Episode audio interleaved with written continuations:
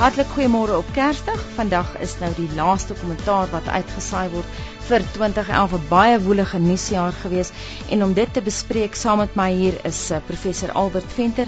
Albert is 'n ou bekende op hierdie program. Goeiemôre Anita, gelukkige Kersfees. En dan Liesel de Lange, sy is nuusredakteur by Rapport Suid ook kom saamgesels. Goeiemôre Anita. En dan môre aan professor Andrius Besuinet, hy is 'n sosioloog en 'n arbeidskundige van die Universiteit van Pretoria. Môre Anita en môre aan die luisteraars wat saam met ons so vroeg uit die vere is. Nou ja, hierdie program lyk 'n bietjie anders uit die aard van die saak. Ons kyk nie na die week se groot nuus nie, maar na die jaar se groot nuus.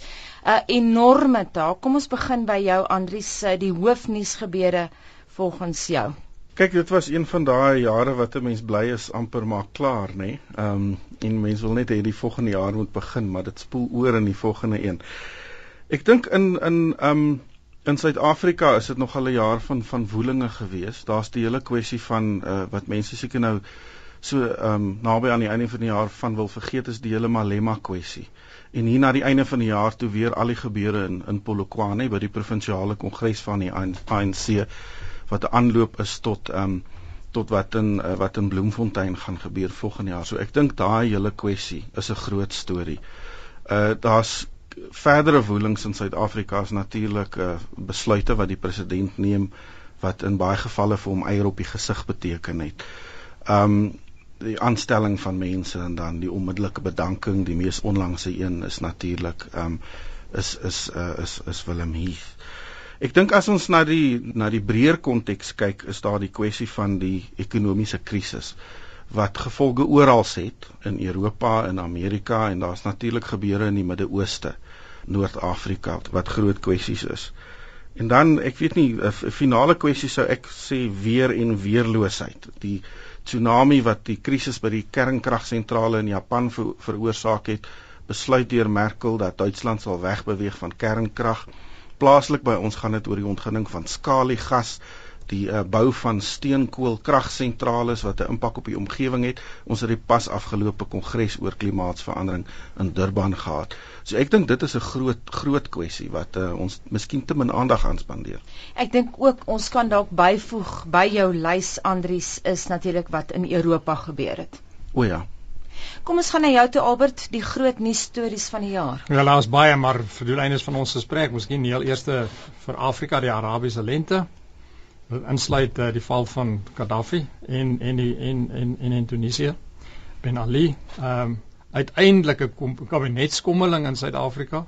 Uh uiteindelik ontslaag geraak van uh, Sicela Secheka. Eintlik skandalig dat dit so lank uitgedraai is. En dan ehm um, Die laaste een is die verskillende verslae en opslae wat ehm uh, die openbare beskermer Afrika Tuli Madonsela se verslae gemaak het. Mhm. Mm en dit kan ook natuurlik bygevoeg word by die zoomafisering van die land. Kom ons gaan na jou toe Lesel.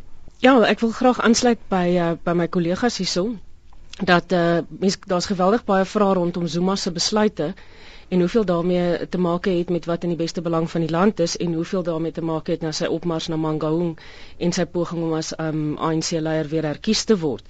Dit gee mens deurlopend die gevoel dat hy eerder uh, van politieke opponente ontslaa raak as van mense wat noodwendig sleg is vir die regering.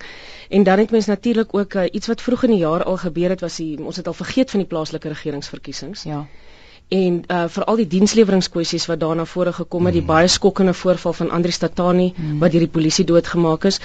Um en dit is iets wat beslis in die nuwe jaar uh so tussendeur al die politiek uh, gaan voortgaan. Is die kwessie van dienslewering en probleme in ons gemeenskappe en die vraag is hoeveel aandag van ons politici op hulle eie politieke loopbane gaan wees eerder as op die uh, landsbelang. En later in die jaar natuurlik het swak dienslewering 'n naderdraai gehad met uh, die aankondiging dat drie provinsies onder administrasie geplaas gaan word Limpopo, Gauteng en die Vrystaat. Kom ons begin by die zoomafisering van Suid-Afrika. Ek dink Business Day het die eerste keer die woord zoomification gebruik en Andrius het nou gepraat van uh, eier op die president se gesig. Liesel, kom ons begin by jou verskeie voorvalle. Ons het gesien regter Mogoeng Mogoeng Mogoeng se aanstelling was uiters omstrede. Andries het ook verwys na natuurlik het hy nou intussen bedank, maar Willem Heath. So kom ons kyk eers daarna. Kyk natuurlik nog 'n voortsleepende saga as die hele kwessie rondom Mac Maraj. Um, wat as die president se se woordvoerder en beeldpoetser aangestel is terwyl daar ernstige vraagtekens rondom hom ook hang en daar steeds 'n bekleierery is tussen die media en die presidentsie en die nasionale vervolgingsgesag oor of die opnames destydse opnames van hom bekend gaan maak gaan word in die ondersoeke na die wapenskandaal. So daar's 'n voorbeeld ons het natuurlik die hele kwessie rondom Similani Mensie Similani gehad die hofuitspraak dat sy aanstelling in die eerste plek nie uh, korrek was nie en dan die mense soos Michael Halley wat 'n uh, Zuma destyds um, een van sy regsverteenwoordigers was wat nou homself ook as 'n raadgewer in die presidentskap bevind. En Jimmy Manji. En Jimmy Manji, um, almal loyaliste. Almal loyaliste en uh, dit dit stem mens erg bekommerd want dit wys jou nie dat mense word aangestel oor hulle politieke bande en oor of Zuma hulle op 'n persoonlike vlak kan vertrou eerder as of weet eerder as dat hulle be bekwame mense is vir die poste. En uh, wat mense ook bekommer van hierdie hele kwessie is dat wanneer die goed so flagrant gebeur men mens kyk na die aanstellings en dan kom dit laat, later uit dat die goed is dit is dit is ongrondwettig geweest of dit was ondeurdag geweest. Ehm um, dit is juist met die hofuitspraak met Similani ook gesê, jy weet mense sou verwag dat die president fyner sou kyk en uh fyner sou kyk na sy raadgewers met hierdie tipe aanstellings. Albert, wil jy daai punte verder voer? Ja, ek is nou nie so vreeslik opgewonde oor die zoomifisering van Suid-Afrika nie. Ehm um, en nog minder is ek opgewonde daaroor dat presidente foute maak. Hulle maak maar almal foute. Ehm um, verwoerd is destyds uh, gesê al wat hy aanstel is ja broers. Nou goed van die ouens het miskien nie so baie skandes gemaak nie, maar ons kan nou van daai skandes gaan uithaal as ons wil. Punt is net presidente stel vertrouelinge aan. Dis die eerste punt. Die tweede is uh meneer Zuma kry swak, klaar blyklik swak advies uh in die geval van uh van verskeie aanstellings wat dan nou later eie op sy gesag laat. So dit is 'n volgende probleem. Die derde een is dink ek uit 'n gewoon staatsadministrasie oogpunt is dit baie duidelik dat Suid-Afrika eintlik 'n eerste minister nodig het wat kan kyk na die plaaslike administrasie en en klein fyn detail goedjies en dat die president om besig hou met buitelandse sake en verdediging en sulke jy weet die sogenaamde hoë politiek en dat die dat die administratiewe besluite liewers dat deur iemand wat voortdurend daarmee werk. So sê byvoorbeeld die adjunkt president kan 'n klomp van hierdie rolle vervul. Terwyl die president kan van die goed dalk nou maar net teken, maar 'n hele klomp van die aanstellings is swak gedoen omdat hy swak advies gehad het. Mm. Maar laat presidente loyaliste aanstel en laat daai loyaliste partykeer eier op sy gesig laat kom. Ek weet dit is 'n ou ding. Dit dit gebeur voortdurend in politiek. Dit is nie so. En ek weet nie of dit die die zoomifisering van Suid-Afrika beteken nie. Al wat dit vir my beteken is Zuma is eintlik in baie opsigte 'n swak leier en hy laat hom die kollektief lei en hy het die kollektief dikwels hom swak advies gegee. Ek sou eerder sê dit is 'n aanleiding van swak staatsadministrasie.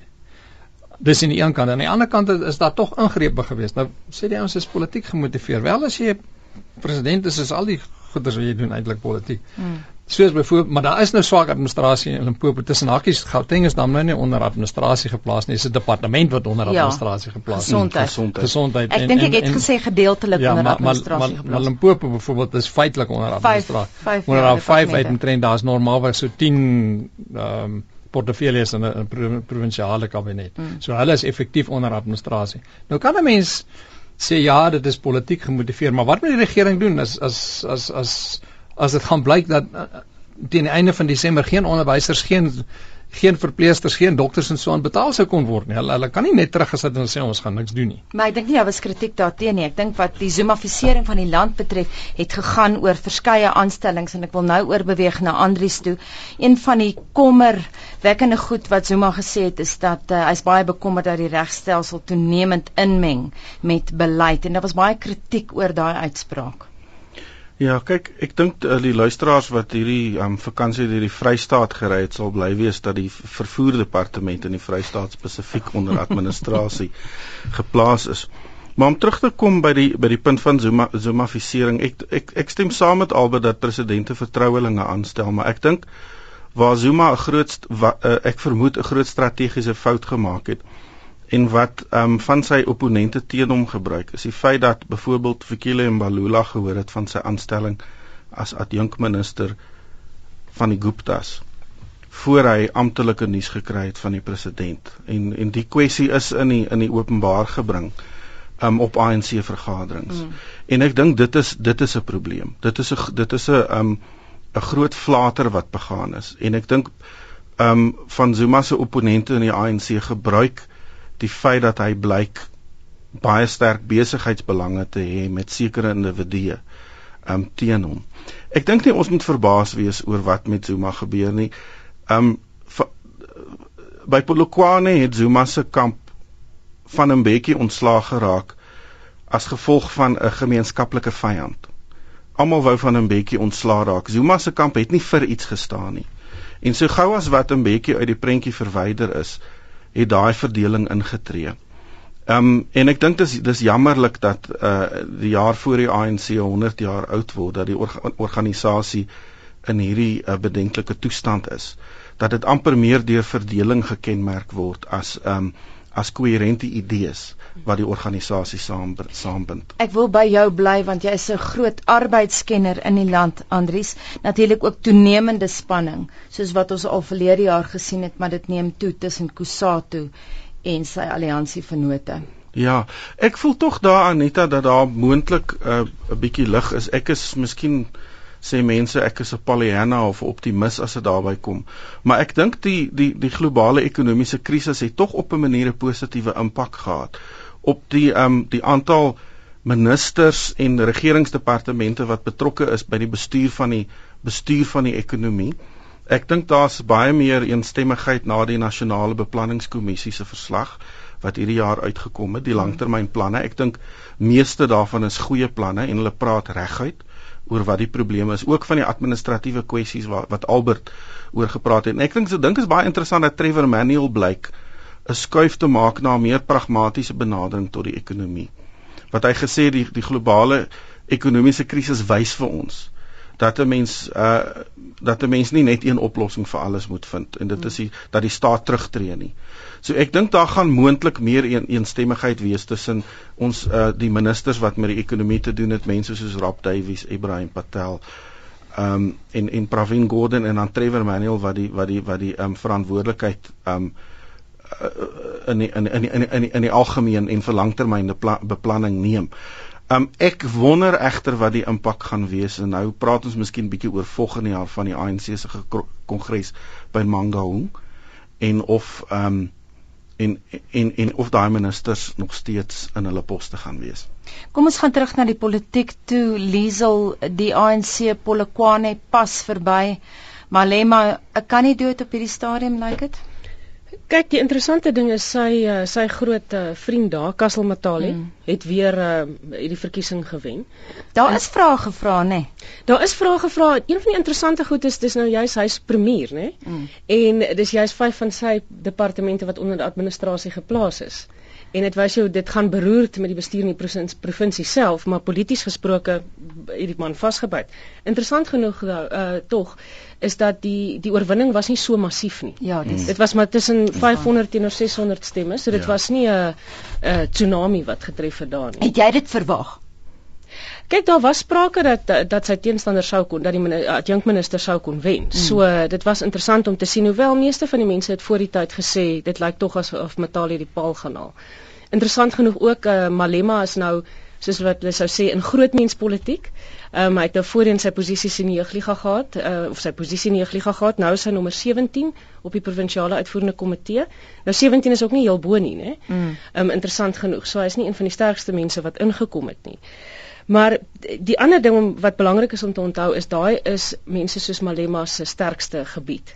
So die vraag is, ek meen daar's nog 'n klomp provinsiale verkiesings wat moet plaasvind waar die ander kampe waarskynlik baie sterker gaan wees. Mm. Wat wel interessant was ook, ehm um, juis nou in Limpopo is om net te kyk na die na die atmosfeer by daai by daai kongres. Dit was 'n baie dit was weer 'n baie ehm um, aggressiewe tipe of dit was meer aggressief as wat byvoorbeeld voor Polokwane was die aanloop al daar was die stryd en almal het geweet dit is aan die gang, maar daar was meer van 'n skyn van van ehm um, uh beskaafdheid in die bekleierery. Mm. Waar hierdie keer het jy vir Malema nou weer gehad wat op die verhoog rond gedans het en 'n stortkop op sy kop gemaak het en ja.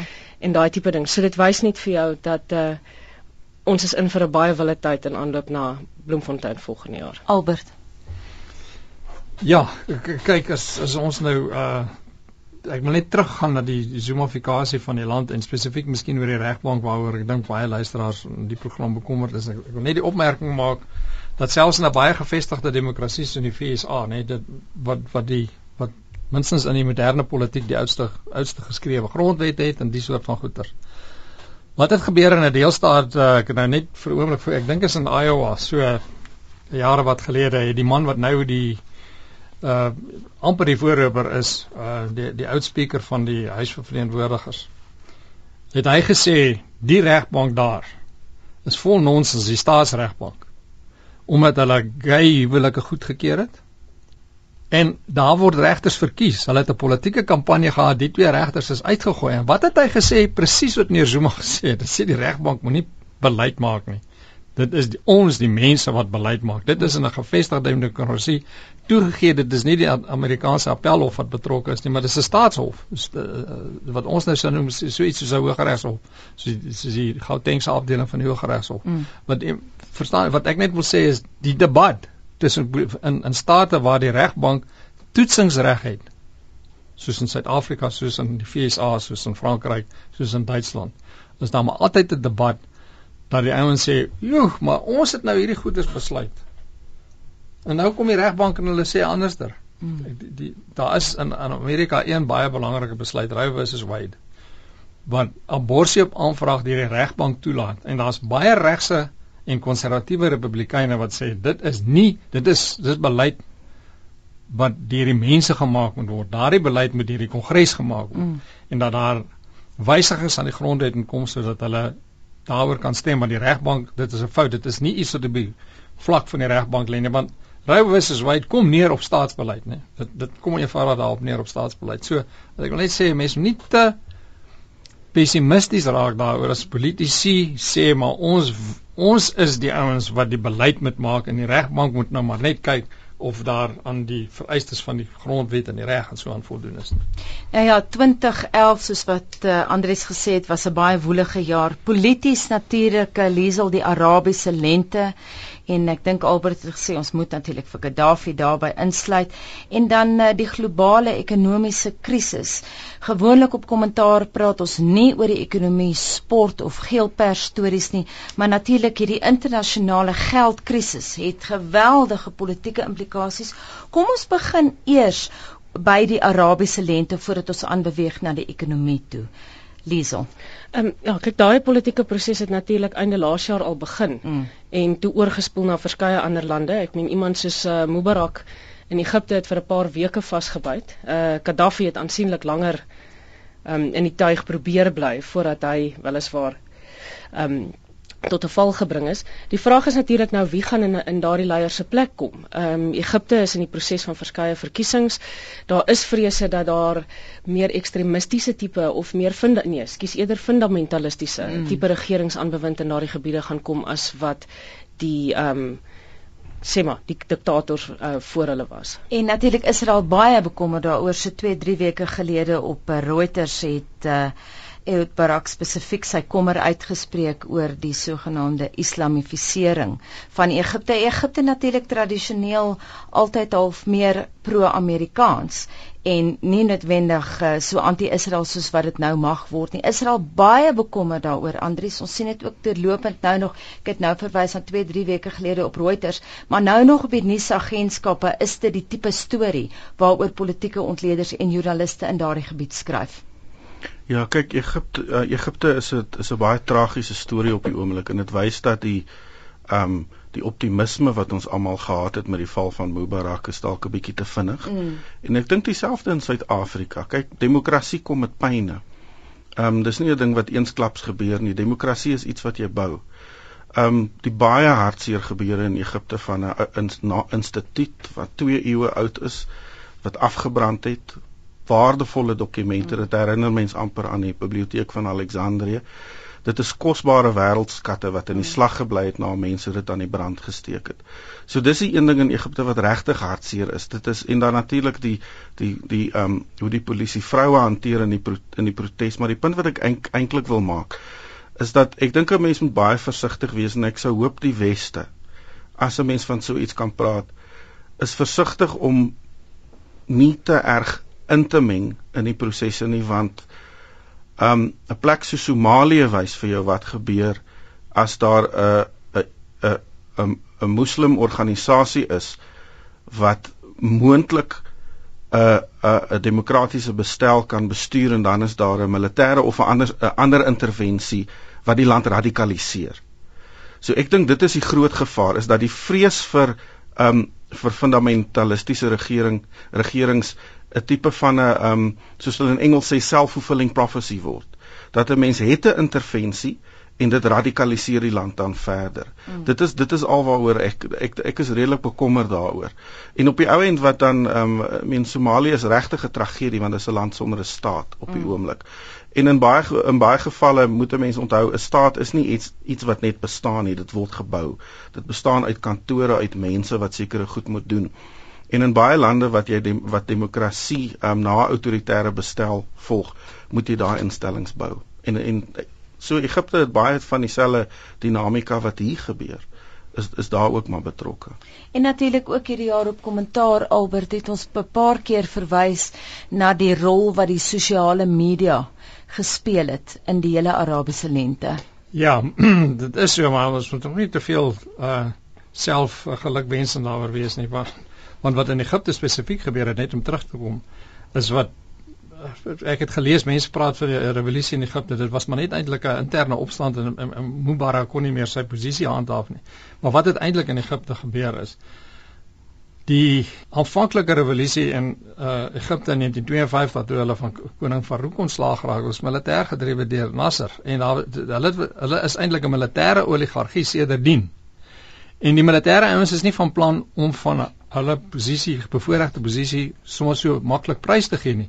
Onder andere omdat heelwat privaat ondernemings deur die militêre ouens bedryf word wat hulle geld maak wat hulle vir mekaar geld uitdeel vir hoe hoe hoe hoe generaalsposte brigadiersposte kolonelsposte verstaan jy die die offisierklas kyk na hulle self deur onder andere hierdie uh ondernemings wat deur die Egiptiese weermag bedryf word plus onthou nou Benewens Israel is Egipte die grootste ontvanger van militêre geldelike hulp van die FSA af. Iets in die orde van 3 miljard dollar 'n jaar. Mm. En die weermag gaan nie sommer net daardie ontbyt en middagete en aandete jy weet, gaan dit nie sommer net so verander aan ons gee nie. Dis wat ons op die oomblik hier sien is dat dit is die weermag wat wet en orde baie brutaal handhaaf en nie sommer van daai posisie ontslaag gaan raak nie. So Die Arabiese lente, weet ek nie, dit lyk my daar's 'n vroeë ryp, weet wat van daai blommetjies doodryp op die oomblik in Egipte.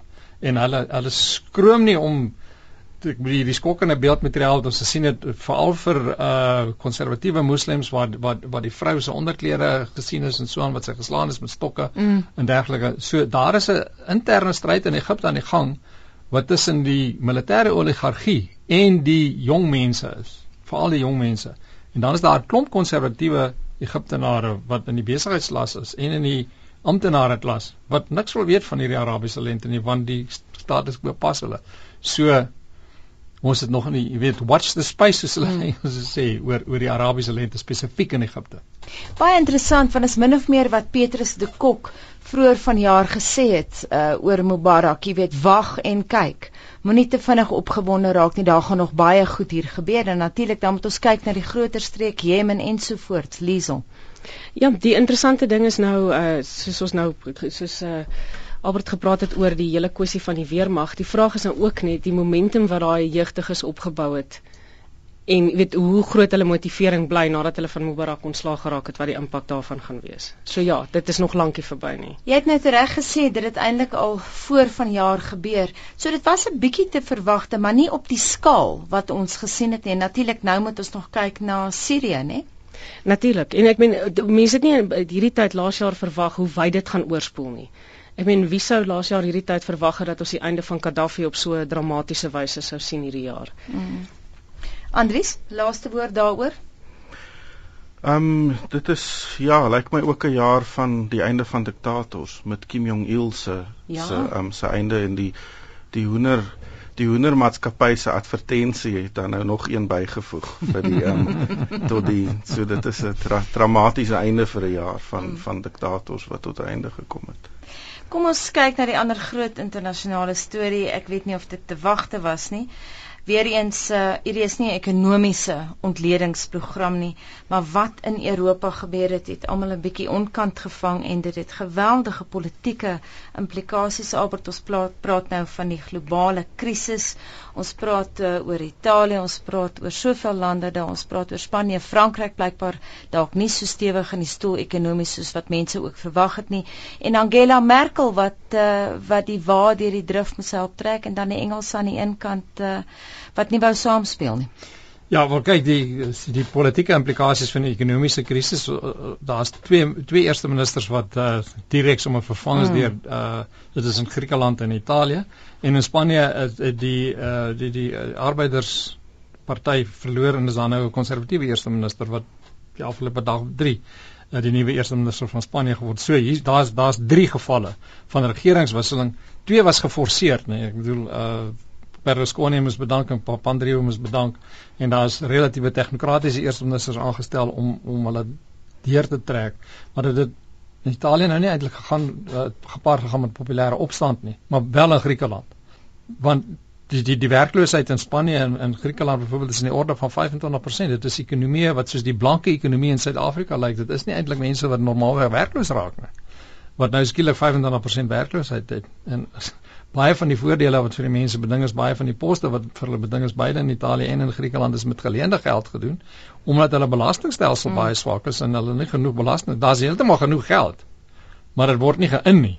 En dat hulle nou die geld geleen, maar jy weet Meneer Trevor Manuel het een, ges, een keer gesê hy weet van geen land wat hom ryk geleen het nie. Vra nou maar vir Griekeland. Albert, as dit heeltemal te wagte? Die goed is baie moeilik om te sê is dit te wagte. Uh weet hierdie is nie uh is nie, die politiek is nie so reglydige dingetjie wat so uh, jy grafiek het met 'n x-as en 'n y-as en hy is hy is gelyk aan mx + c en dan trek jy so reguit lyne en dan sê jy so styg hy en daar gaan dit gebeur en daar gaan dat gebeur. Dit is 'n baie komplekse stelsel is net net die weer. Nou jy weet ons weer weer voorspel en sukkel om 4 dae se weer te voorspel en ek dink jy kan maar dieselfde sê oor politiek dat politiek is wesentlik onvoorspelbaar omdat dit 'n komplekse stelsel is. Uh daar sit mense vandag wat hulle lewens begin het 20 jaar gelede as potensiële Sowjetoloë. Dit bestaan nie meer nie, daar is nie so iets nie. Maar in 1988 sou iemand nog heeltemal gedink het dit is gaaf dat hy Russies leer en 'n hmm. Sowjetoloog word en so CIA analis word Condoleezza Rice was een.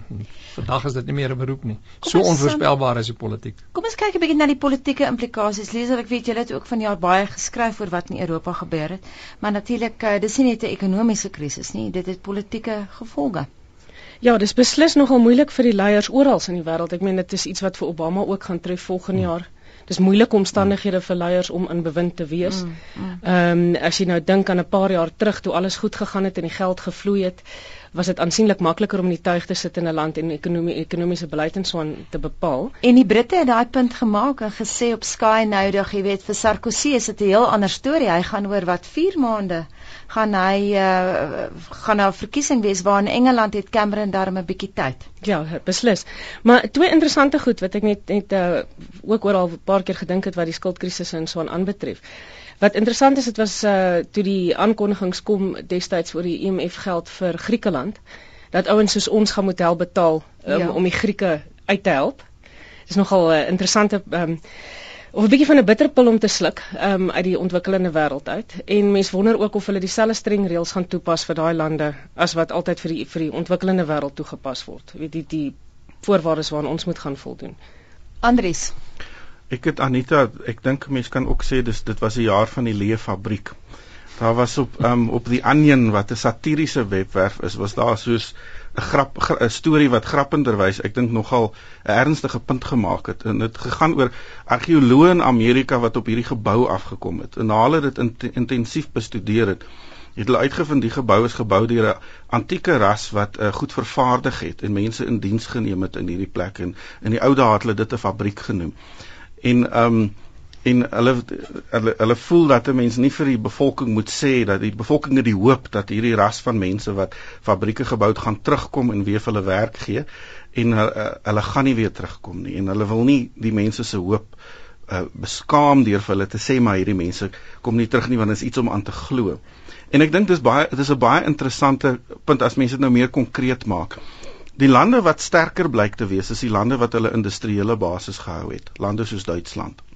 Maar Engeland is een van die lande wat die vinnigste gedeindustrialiseer het, hulle fabrieke verloor het. In Amerika is dit ook 'n kwessie, natuurlik 'n groot impak van die maatskappy Walmart mm. wat goedere baie goedkoop in China en ander plekke vervaardig en dan invoer in Amerika. En ons moet onthou hierdie krisis het krisis het in 2008, 2008 begin met met ehm um, huislenings wat op op op markte 'n finansiële instrument wat op 'n instrument op 'n instrument gebou is dat dit op die ou einde bitter min van die werklike ekonomie sê of iets daarmee te doen het. En ek dink dit bring ons terug by waaroor gaan die basis van 'n land se ekonomie. En op die ou einde wil jy mense in diens hê. Jy wil mense hê wat goed maak in fabrieke, geld kry wat hulle kan spandeer in die ekonomie. Duitsland se baie produktiewe land mense bly hulle het 'n baie sterk industriële basis. So ek dink 'n mens moet ook maar lesse vir Suid-Afrika leer. Um met ons hoë werkloosheidsvlakke moet ons nie dink ons gaan die kwessie aanspreek as ons as ons nie daarin slaag om plaaslik goedere te vervaardig nie. En ek dink die dit word 'n politieke kwessie. Werkloosheid is 'n politieke kwessie want in lande waar waar mense nie werk nie, nie geld het om te spandeer nie, het dit nou maar reperkusies. In baie gevalle word mense dan keer hulle na binne, nê? Hulle hulle swaai regs soos in Spanje. So ek dink my groot bekommernis is wat in Amerika gaan gebeur. Dis 'n land wat besig is om sy status wêreldwyd te verloor mm. as 'n groot mag. China en Brasilië en Indië en Rusland het self ook probleme, maar hierdie lande word um word, word baie sterker. En ek is bekommerd oor wat die impak daarvan in die langtermyn op Amerika gaan wees as daar 'n geweldige swaai na regs is. En wat gaan dan gebeur in 'n land wat besig is om mag te verloor wat so sterk militêre mag is met 'n baie baie um met 'n baie regse regering. So dit is die een ding wat wat wat ek dink dalk 'n 'n 'n gevolg kan wees van hierdie krisis. Albert, hoe wat sê jy?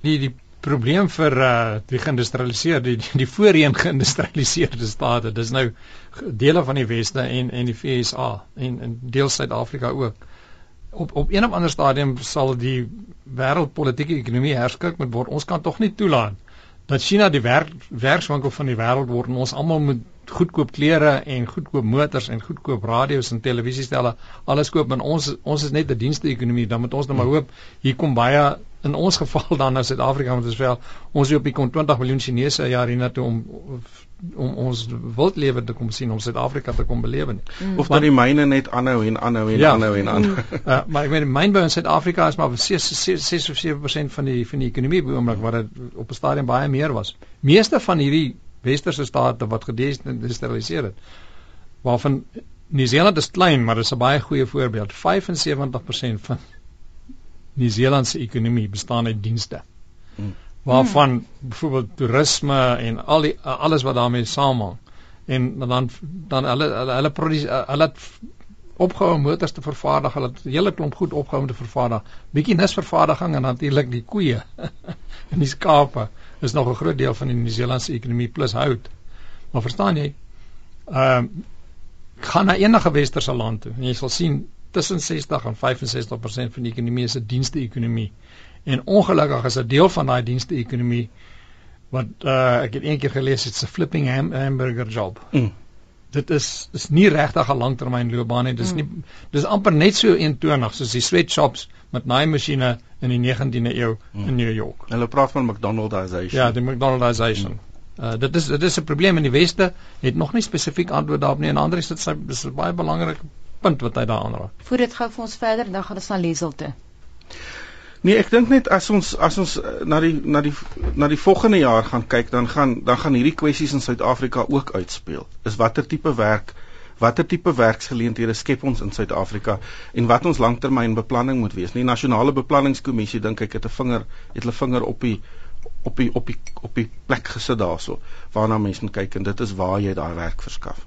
Liesel Um, ja, ek wil net weer uh, aansluit by Andrius. Ek dink die ontsettend belangrike punt wat daar gemaak is wat jy net nou gemaak het is dat dit help nie ons kry goedkoop goedere van elders in en mense het nie geld om dit te koop nie. Mm. Ja. Dan kan jy eerder duurder produkte hier produseer waar mense wel die geld waar jy plaaslik die geld in en waar mense dan actually geld het om dit te koop. En dis dan nou die kwessie van Walmart, nê? Dit is hoekom dit so groot kwessie is.